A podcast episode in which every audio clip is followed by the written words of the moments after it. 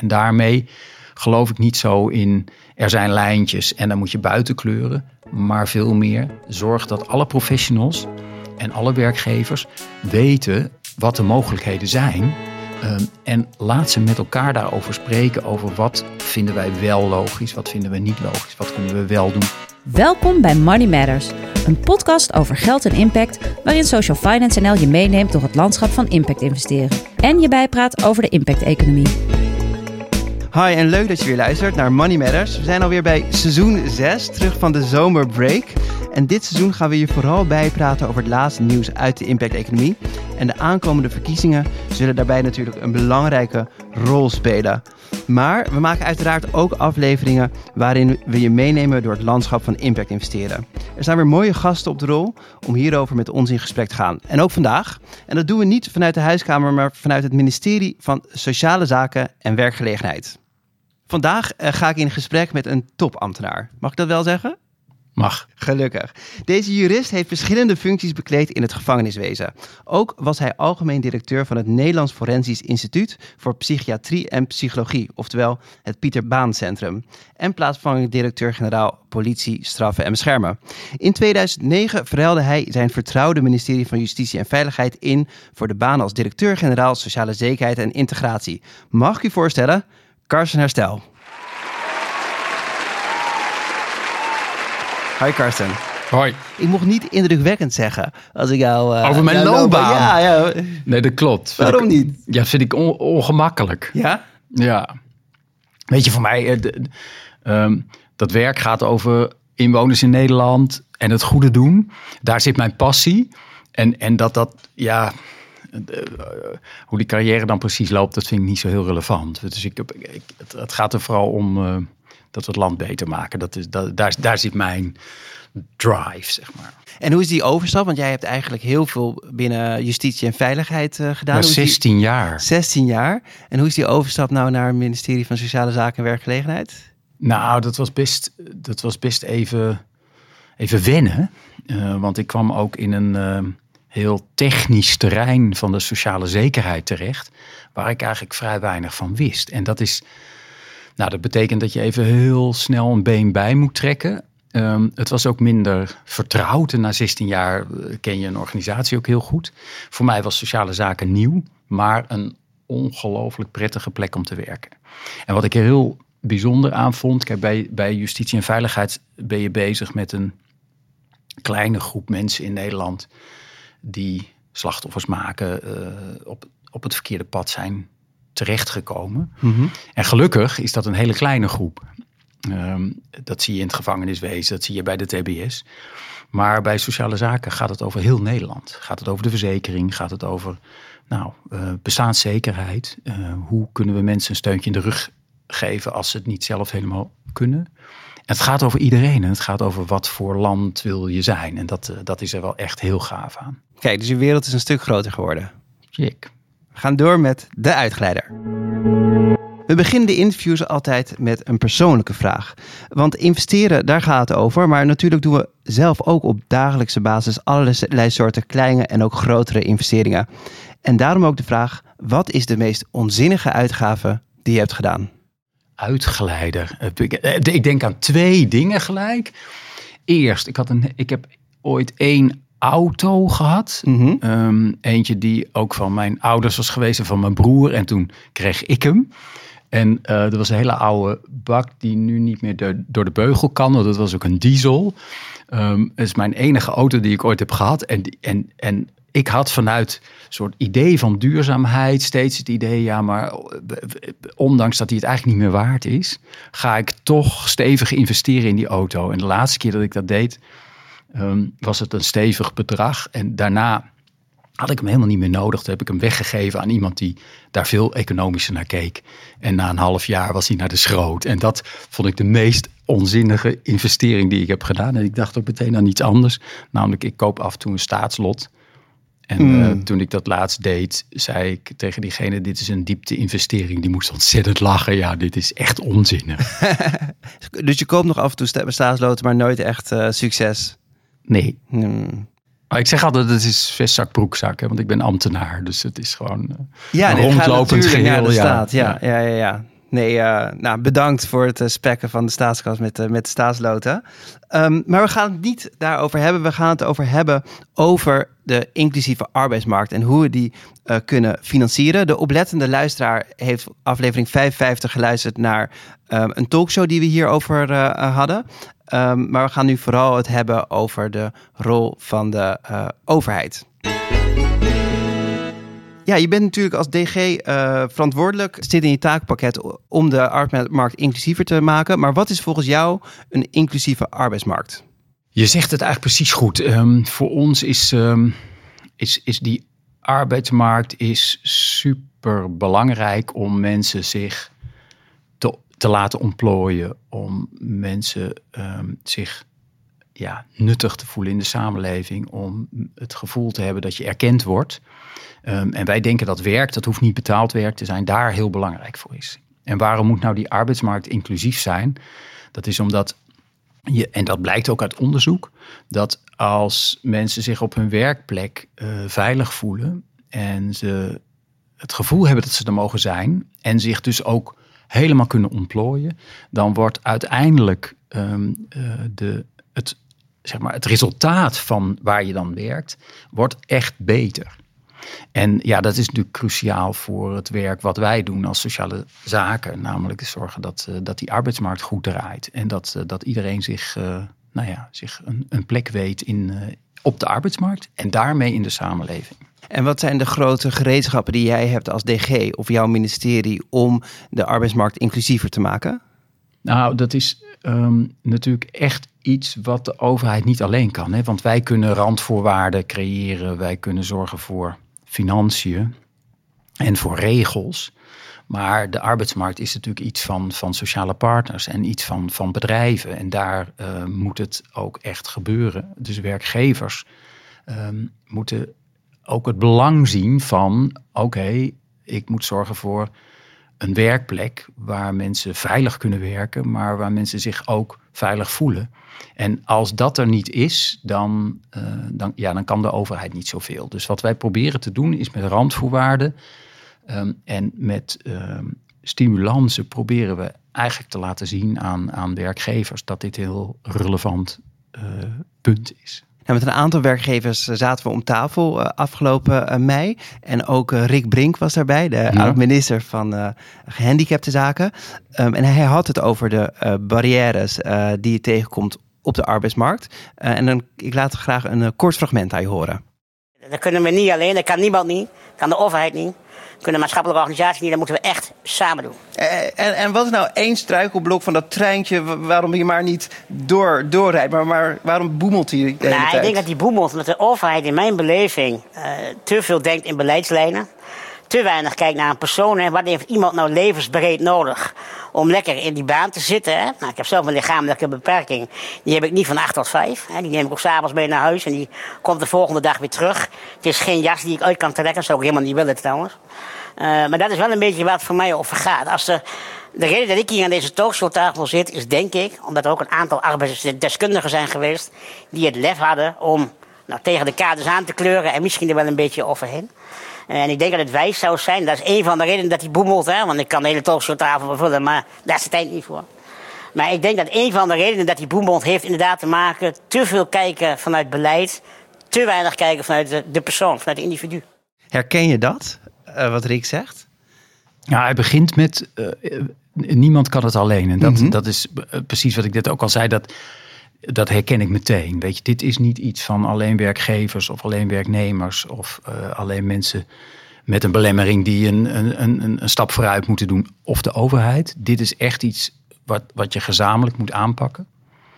Ja, ik herken ook wel iets van wat hij zegt over belemmeringen die er zijn. Um, hij noemt dat dan beleidslijnen mm -hmm. die belemmerend zijn. Uh, waar binnen je niet naar het individu kan kijken. Nou, uh, onze, ja, ons, ons streven is erop gericht om iedereen juist wel naar dat individu te laten kijken. En tegelijkertijd moeten we natuurlijk ook ja, randvoorwaarden creëren voor groepen. En voor, uh, we kunnen niet voor iedereen in Nederland een aparte regel maken. Nou, deze spanning, die herken ik, die zit er steeds in. En wat, we, wat, je, wat je ook wel ziet, en dat geldt voor de hele sociale zekerheid, maar dat geldt ook voor het arbeidsmarktbeleid, dat er wanneer wij dingen gaan verzinnen om uh, te stimuleren, om het mogelijk te maken, dan, dan zijn dat regels uh, voor meer inwoners. En dat maakt het gelijk complex. Um, en um, we proberen soms ook heel precies zijn met doelgroepen. Oh, daar moet iets gebeuren, daar moet iets gebeuren. Oh, we gaan iets doen voor mensen met een visuele handicap. Oh, we gaan iets doen voor mensen met een belemmering uh, uh, fysiek. Oh, we gaan iets doen met psychische ziekten die een belemmering vormen. En steeds als wij dingen verzinnen om dat te maken voor een, een, een deelgroep. Ja, dan, dan wordt dat ondoorzichtiger voor werkgevers. En dit herken ik wel. Um, ik denk uh, dat het, dat het reduceren van de complexiteit echt een opgave is. En dat, dat zie je ook bijvoorbeeld bij de banenafspraak. Het, het gaat over kennis van werkgevers en werknemers van, van de regels en, en, en mogelijkheden die er zijn. Maar het gaat ook vaak over het feit dat, dat, dat, dat financieringssystemen ook complex zijn, ondoorzichtig, waardoor het, het goed inzicht daarin hebben en ervoor zorgen dat mensen ondanks hun belemmering toch bij jou aan het werk gaan, dat dat dan echt een, een heel ingewikkelde klus is voor die werkgever. Helemaal als dat iemand in het MKB is. Precies, dus stel je hebt een, eh, een grote bakkerij en je wil een aantal mensen in die nemen, dan moet je best wel veel kennis hebben om de regels te kennen en de, en de regelingen te kennen waar je aanspraak op maakt. En je wil natuurlijk brood bakken en met je mensen aan de slag. En dat kan een belemmering zijn. Zeker, want je ziet eigenlijk dat um, die banenafspraken, dat is een, een paar jaar geleden zijn we begonnen met, oké, we gaan 125.000 extra mensen met een belemmering gaan we aan het werk brengen. En eigenlijk doet, doet het bedrijfsleven het heel goed. De overheid blijft achter. Um, nou, daar proberen we ook echt iets aan te doen, want dat is uh, niet best. Maar wat je ziet is dat in het bedrijfsleven er eigenlijk heel veel ja, positieve energie is om hier iets aan te doen. Eh, uit onderzoek blijkt dat bijna 60% van de werkgevers is bereid mm-hmm. om mensen met een belemmering wel in dienst te nemen. Maar feit is dat maar 1 op de 12 werkgevers dat echt doet. Dus dat betekent dat er een heel groot verschil is tussen een uitspraak van een werkgever die zegt ik zou dat wel willen en de feitelijke realisatie van, van de aantallen. Ondanks het feit dat we het best wel goed doen onder die banenafspraak. Want de afgelopen jaren zijn er iets van 80.000 banen gecreëerd. Ja. Dat is echt fantastisch. Dat is 80.000 mhm. keer um, iemand die een baan heeft, een inkomen. In dat gezin heeft dat heel veel effect. Dus dat is fantastisch nieuws. Alleen de potentie is nog veel groter. En ik denk altijd, ja, mensen met een visuele handicap um, zitten voor de helft thuis. Zijn niet aan het werk. Terwijl we kennen allemaal wel iemand met een visuele handicap die gewoon aan het werk is. En desondanks zit een heel deel daarvan thuis. Nou, dit, dit, dit mag niet zo zijn. Um, en uh, minister Schouten rapporteerde deze zomer ook over de banenafspraak naar de, naar de Kamer. En gaf inderdaad ook aan dat, uh, dat de overheid het zelf eigenlijk heel erg lastig heeft. Vergeleken met het bedrijfsleven. Hoe komt dat? Waar, waar ligt het aan? Nou, de, de, het beeld daarover is eigenlijk dat, dat als je bij de overheid probeert om dit te stimuleren, dan is eigenlijk iedereen vanuit de, de, de maatschappelijke drive die er in die organisatie zit meteen positief. En daarna uh, wordt het heel lastig om het te realiseren, omdat er allerlei procedures zijn, regels zijn. En dan nou, ook wel reserves van kan dit wel, past dit wel? En, daar, en ja, dat, nou ja, wij zijn daar uh, niet uh, tevreden over. Bij het bedrijfsleven is het een beetje andersom. Mm -hmm. Daar um, is een potentie, maar daar weet niet iedereen het. En zodra een werkgever zegt: Oh ja, hier heb ik, hier heb ik zin in, hier ga ik voor. Kan ook zijn omdat je in, in je omgeving iemand hebt die, uh, ja. die, die, die met een beperking leeft. En, en dan in één keer is het zo geregeld. Dan, oh, okay. Dat zijn er helemaal geen uh, belemmeringen meer, maar dan gaat het veel makkelijker. De, is, is een karikatuur. Hè, want, uh, de overheid weet het wel, maar het lukt niet om het uit te voeren. En het bedrijfsleven weet het niet, maar als ze het wel weten, dan gaat het zo uh, van een leien dakje. En dan, daar hoor je ook wel, dus dat er regels zijn die dingen lastiger maken. En dat je eigenlijk mensen hebben, nodig hebt die dan creatief zijn om het toch uitwerkt. Net zoals Rick aangeeft dat, dat hij mensen om zich heen had die buiten de lijntjes kleurden. Bij de gemeente, bij het UWV, die ervoor zorgden dat, dat, dat hij wel verder kon. Hoe, hoe, hoe zorg, en dat is natuurlijk, ja, dat maatwerk, dat, dat wordt natuurlijk overal als een belangrijk thema genoemd. Hoe zorg jij hier nou vanaf de vijfde verdieping van het ministerie dat uh, al die mensen uh, in het veld uh, voelen dat ze, dat, dat ze hun eigen intuïtie kunnen volgen en, en misschien wel af en toe buiten de lijntjes kunnen kleuren, of in ieder geval de mens centraal kunnen stellen en niet die regels die zijn opgesteld? Ja, nou, ik, ik, ik ik ben heel bescheiden over wat je um, vanuit Den Haag allemaal mm -hmm. kan doen. Um, en tegelijkertijd ervaar ik ook een enorme verantwoordelijkheid, omdat ik geloof dat wij wel invloed hebben op wat er gerealiseerd wordt in Nederland, op dit terrein bijvoorbeeld. Dus eh, ik ben bescheiden en ik voel me ook heel erg verantwoordelijk. Um, wat kunnen we doen? Ja, ik, ik, uh, het, het, het is een beetje dat buiten de lijntjes kleuren, dat vind ik altijd een beetje een ingewikkeld. Uh, Je keek ook ingewikkeld bij. Uh, ja, ik vind dat een ingewikkeld ding. Want um, ik, ik denk dat het helemaal niet zo is dat we ons beperkt weten door lijntjes die er zijn waar je buiten moet kleuren. Maar ik denk veel meer dat het zo is dat je, um, dat je eigenlijk even op een, op een creatieve manier met. Um, goed zicht op degene over wie het gaat, moet kijken naar wat zijn de mogelijkheden wel. Um, en dan kan er heel veel. En dan lijkt het heel vaak, nee, maar uh, is iemand wel, zit hij wel in die groep, zit die, uh, voldoet hij wel aan de criteria. Maar er zijn eigenlijk heel veel, maatwerk is, is de afgelopen tijd best een modewoord, ook in, in, nou, in ons werk. Maar dat is wel iets wat je, waar je steeds binnen de organisatie bij een werkgever, maar ook bij een gemeente of bij een overheidsinstelling, waar je de hele tijd het gesprek over moet voeren.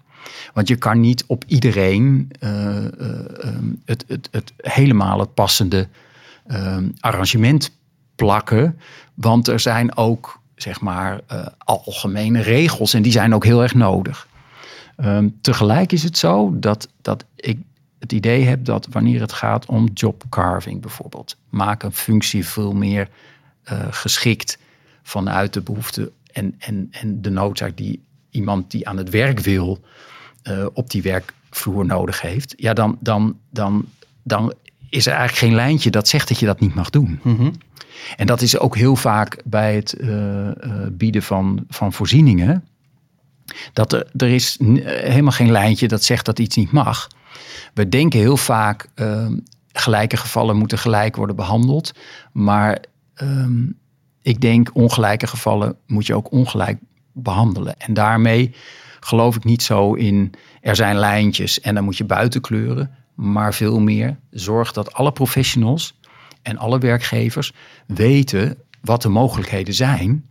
Um, en laat ze met elkaar daarover spreken, over wat vinden wij wel logisch, wat vinden we niet logisch, wat kunnen we wel doen. Wat is ook een business case? Hè? Want voor een werkgever ja. is het natuurlijk ook heel belangrijk. Hoe zit het gewoon financieel in elkaar?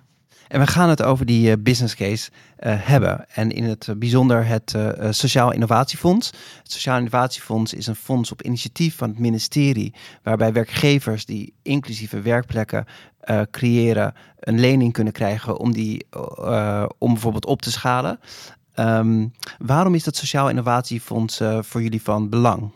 Nou, omdat het eigenlijk een privaat-publieke samenwerking is. En nou ja, dat is ook wat Rick Brink zegt. We, niemand kan het alleen. Dus juist die publiek-private samenwerking, die maakt het zo krachtig.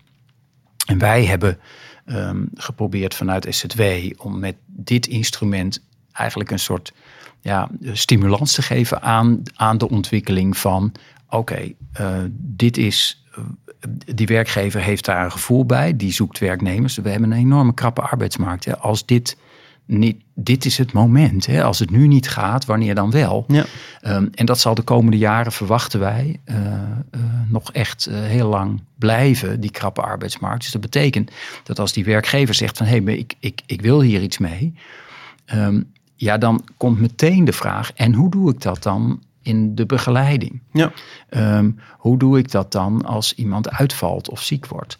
Ehm, is, is, dit, eh, ehm, is dit voor mij uiteindelijk een positieve business case? Nou, en daar werkt die, dat, nou, eh, die lening werkt daar heel erg voor. voor ons heel spannend hè, vanuit, de, vanuit de, de, de overheid. Um, want je, je, je, weet het al niet helemaal precies. En uh, wij hebben natuurlijk gelukkig ook met allemaal checks en balances te maken. We moeten ons verantwoorden over geld. Mm-hmm. Dus dit is echt innovatief. En nou, we doen het samen, publiek en privaat. En we, nou ja, in een, we, we zorgen dat, het, dat er iets nieuws ontstaat. En dat vind ik er heel belangrijk aan.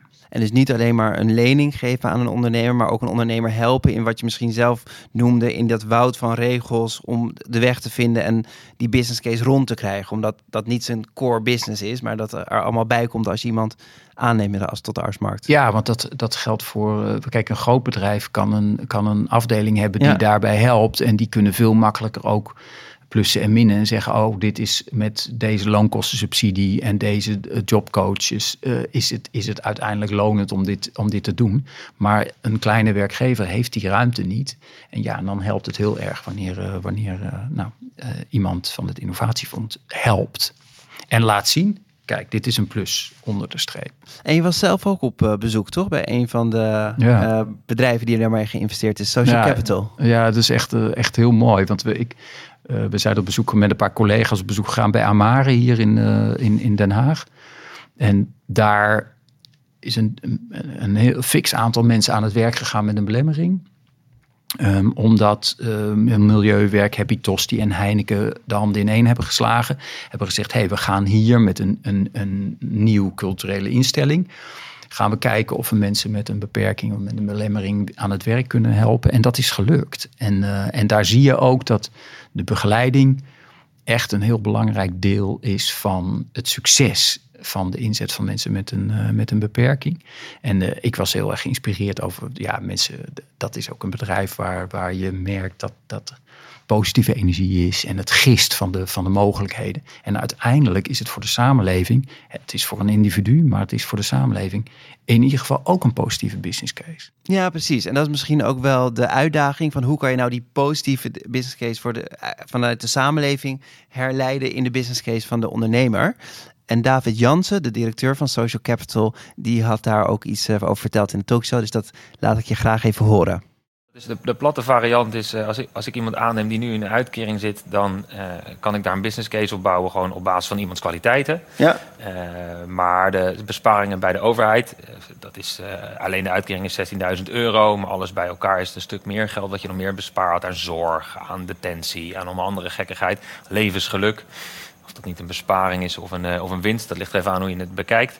Maar die waarde is allemaal veel hoger dan, uh, uh, dan wat wij eraan verdienen. En die baten liggen bij de overheid. En als de overheid daar een stuk van zou terug investeren in de partij die de interventie doet, dan krijg je veel sneller dat veel grotere partijen kunnen schalen op dit thema.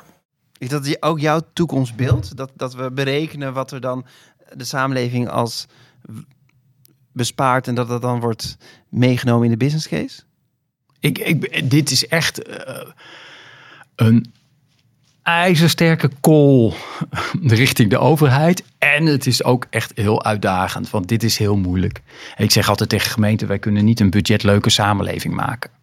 Uh, want, want gelukkig is er een democratische controle die maakt dat, dat, dat politici ook willen laten zien: kijk, ik heb dit gedaan, ik heb hier iets gestimuleerd, ik heb daar uh, aan een knop gedraaid en, en dit heeft effect. Dus je kan, het niet, je kan het niet allemaal integraal organiseren. En tegelijkertijd vind ik dit een hele terechte ja, vraag richting de overheid. Want het, het, het scheelt gewoon enorm veel geld op allerlei terreinen. Wanneer mensen zich lekker voelen aan het werk zijn, uh, participeren in de samenleving, voor hun eigen bestaanszekerheid kunnen zorgen. Ja, en dit uh, minder ziek zijn. En dat is uiteindelijk is dat een, ja, is dat iets wat heel veel geld scheelt. We hebben het gezien in coronatijd hebben we met de doorbraakmethode van het Instituut voor Publieke Waarden hebben we um, 10.000 gemeenteambtenaren opgeleid um, in de doorbraakmethode. Um, namelijk je zou, dat is een beetje wat ik net bedoelde met dat buiten de lijntjes. Mhm. Ehm, dat hoeft niet buiten de lijntjes, want het kan gewoon. Alleen als je professional bent, eh, denk je niet, oh, we gaan iedereen in deze gemeente een elektrische fiets geven. Dat, dat voelt alsof je, ja, dat kan niet, want we kunnen ook niet iedereen. een- een- een- Tegelijkertijd is het zo dat als, als die fiets key is voor ehm, het oplossen van de problemen in een multiprobleemhuishouden, ja, dan, dan moet je dat meteen doen. En dat is gebleken. Want waar we een aantal miljoen hebben geïnvesteerd in die methode aan de voorkant, is er anderhalf jaar lang drie, vier keer zoveel geld bespaard. Nou, hoe krijgen we dit nou ehm, op een goede manier eh, georganiseerd? Dat eigenlijk, eigenlijk is dat een vorm van resultaatfinanciering. Ja, hè? ja. Dat je aan de achterkant zegt: hé, hey, wacht even, we hebben hier kosten bespaard. Dus dan kunnen we ook weer dit teruggeven aan de investering aan de voorkant. Nou, dit is best met, een, met, met de begroting eh, binnen de overheid is dit best uitdagend. Eh, maar ik ben ervan overtuigd dat ook met de innovatieve ideeën die we nu via de, het Sociaal Innovatiefonds op tafel krijgen, dat we dit soort dingen wel kunnen gaan doen. En dat het ook over departementen en over onderdelen van gemeenten heen eh, wel mogelijk wordt. En het is ook ver naar de belastingbetaler dat je pas betaalt als inderdaad die bijanden zijn gecreëerd en die waarde is gerealiseerd. Ja, we- Ik, er was een, eh, een congres van de Vereniging van Nederlandse Gemeenten. Daar was een ervaringsdeskundige. Die zegt, ik heb 25 jaar in de bijstand gezeten. Reken maar uit, dat kost de samenleving een half miljoen. Maar in die periode heb ik steeds gehoord, dit kan niet. Nee, dit is te duur. Nee, jij hoort niet tot deze doelgroep. Ehm, eigenlijk die lijntjes, waarvan ik denk, met maatwerk kom je er doorheen. En uiteindelijk is er een fix bedrag voor een buddy voor diegene ingezet door een professional die zei: Dit heb je nu nodig. Daarna heeft diegene een baan gekregen, Ehm, minder zorg nodig, ehm, schulden afgebouwd. En in één keer zit er iemand die weer gelukkig is. Nou, dat, eh, dat werd net ook gezegd, hè, dat geluk, ja, dat is niet iets wat je zo makkelijk kan kapitaliseren. Maar ik ben er zeker van dat dit heeft geholpen. En dus is het zo dat je dat maatwerk moet toepassen. Dat je een, een, een grotere investering dan je misschien als professional denkt te kunnen waarmaken. Omdat gelijke gevallen gelijk moeten worden behandeld. Nee, het is een ongelijk geval. Doe het maar. En uiteindelijk heeft het een enorme kostenbesparing tot gevolg. Kijk, dus kijk niet per se naar wat er direct uitgaat, maar kijk naar het totale plaatje en werk daarmee samen met ook publieke en private partners om de meest, meest passende oplossing te zoeken. Zo is het. Daarmee zijn we bijna aan het einde gekomen van deze aflevering. We sluiten altijd af met de impactdraad. Ehm, je hebt een mooie carrière achter de rug. maar wat is nou de impactdraad die daar doorheen loopt? Karsten. Ja, ik vind dat heel lastig om te zeggen. Weet je, ik, ik ben. eh, ehm, ik vind het zo onwijs gaaf om voor de overheid te werken, omdat ik echt. ehm, ik ben heel, heel erg gemotiveerd om, ehm, nou wat ik eigenlijk al zei, om, om, om, om gewoon Nederland beter te maken. En, en het voor mensen ook een, fijn land te maken. En, eh, en ervoor te zorgen dat mensen gelukkig zijn. Dat is eigenlijk de, de, de, de, de drijver. Ehm, ik geloof dat het, dat het mij heel erg heeft geholpen om eh, zowel dichter bij de, bij de uitvoering van beleid te werken als aan de echte beleidskant.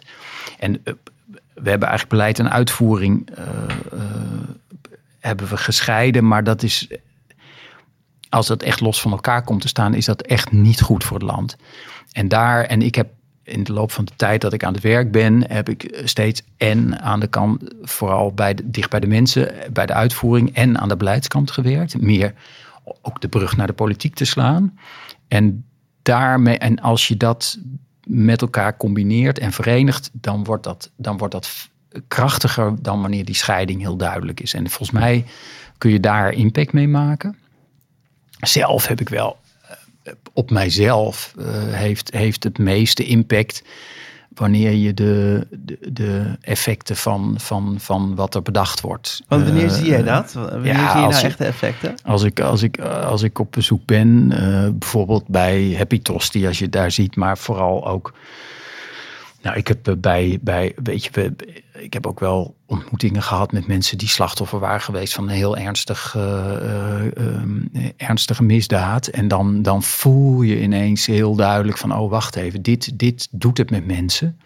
En ik, nou ja, de tijd dat ik hier bij sociale zaken werk, is ook heel erg doorspekt geweest met de kinderopvangtoeslagaffaire. Wat een verschrikkelijk pijnlijke les is voor de overheid. Want nou ja, als je vol passie zit om het beter te doen. En mensen komen met hun vingers tussen de deur door overheidshandelen. Ja, dan, dan, dan, dan is dat echt niet goed. Maar toch uh, zou je zeggen, kom bij de overheid werken. Dat is een uh, prachtige Nee, dat is fantastisch. Ja, nee, ik zeg tegen iedereen, moet je vooral doen. En wat de, de, ja, weet je, um, we hebben het bedrijfsleven heel hard nodig, want dat is, dat, mm -hmm. daar, daar draait de economie van. En tegelijk, um, als, je, als je bij de overheid werkt, dan, heb, dan kan je echt uh, het gevoel hebben dat je, dat, je, dat je mensen gelukkiger maakt. Kijk, dankjewel Karsten. En dank ook aan onze inhoudelijke partner Cirkel, onderdeel van ABN AMRO... en onze kennispartners Oranje Fonds en de Vriendenloterij. Daar heb je, koop je geen loten, maar dat, uh, die steunen wel deze podcast. Productie Mart Jeninga van Spraakmaker Media. Redactie Daphne Splegger en Sam Wansink. En vond je dit een leuke podcast? Geef ons dan 5 sterren in de iTunes app natuurlijk. En abonneer je via je favoriete podcastkanaal. Tot de volgende keer.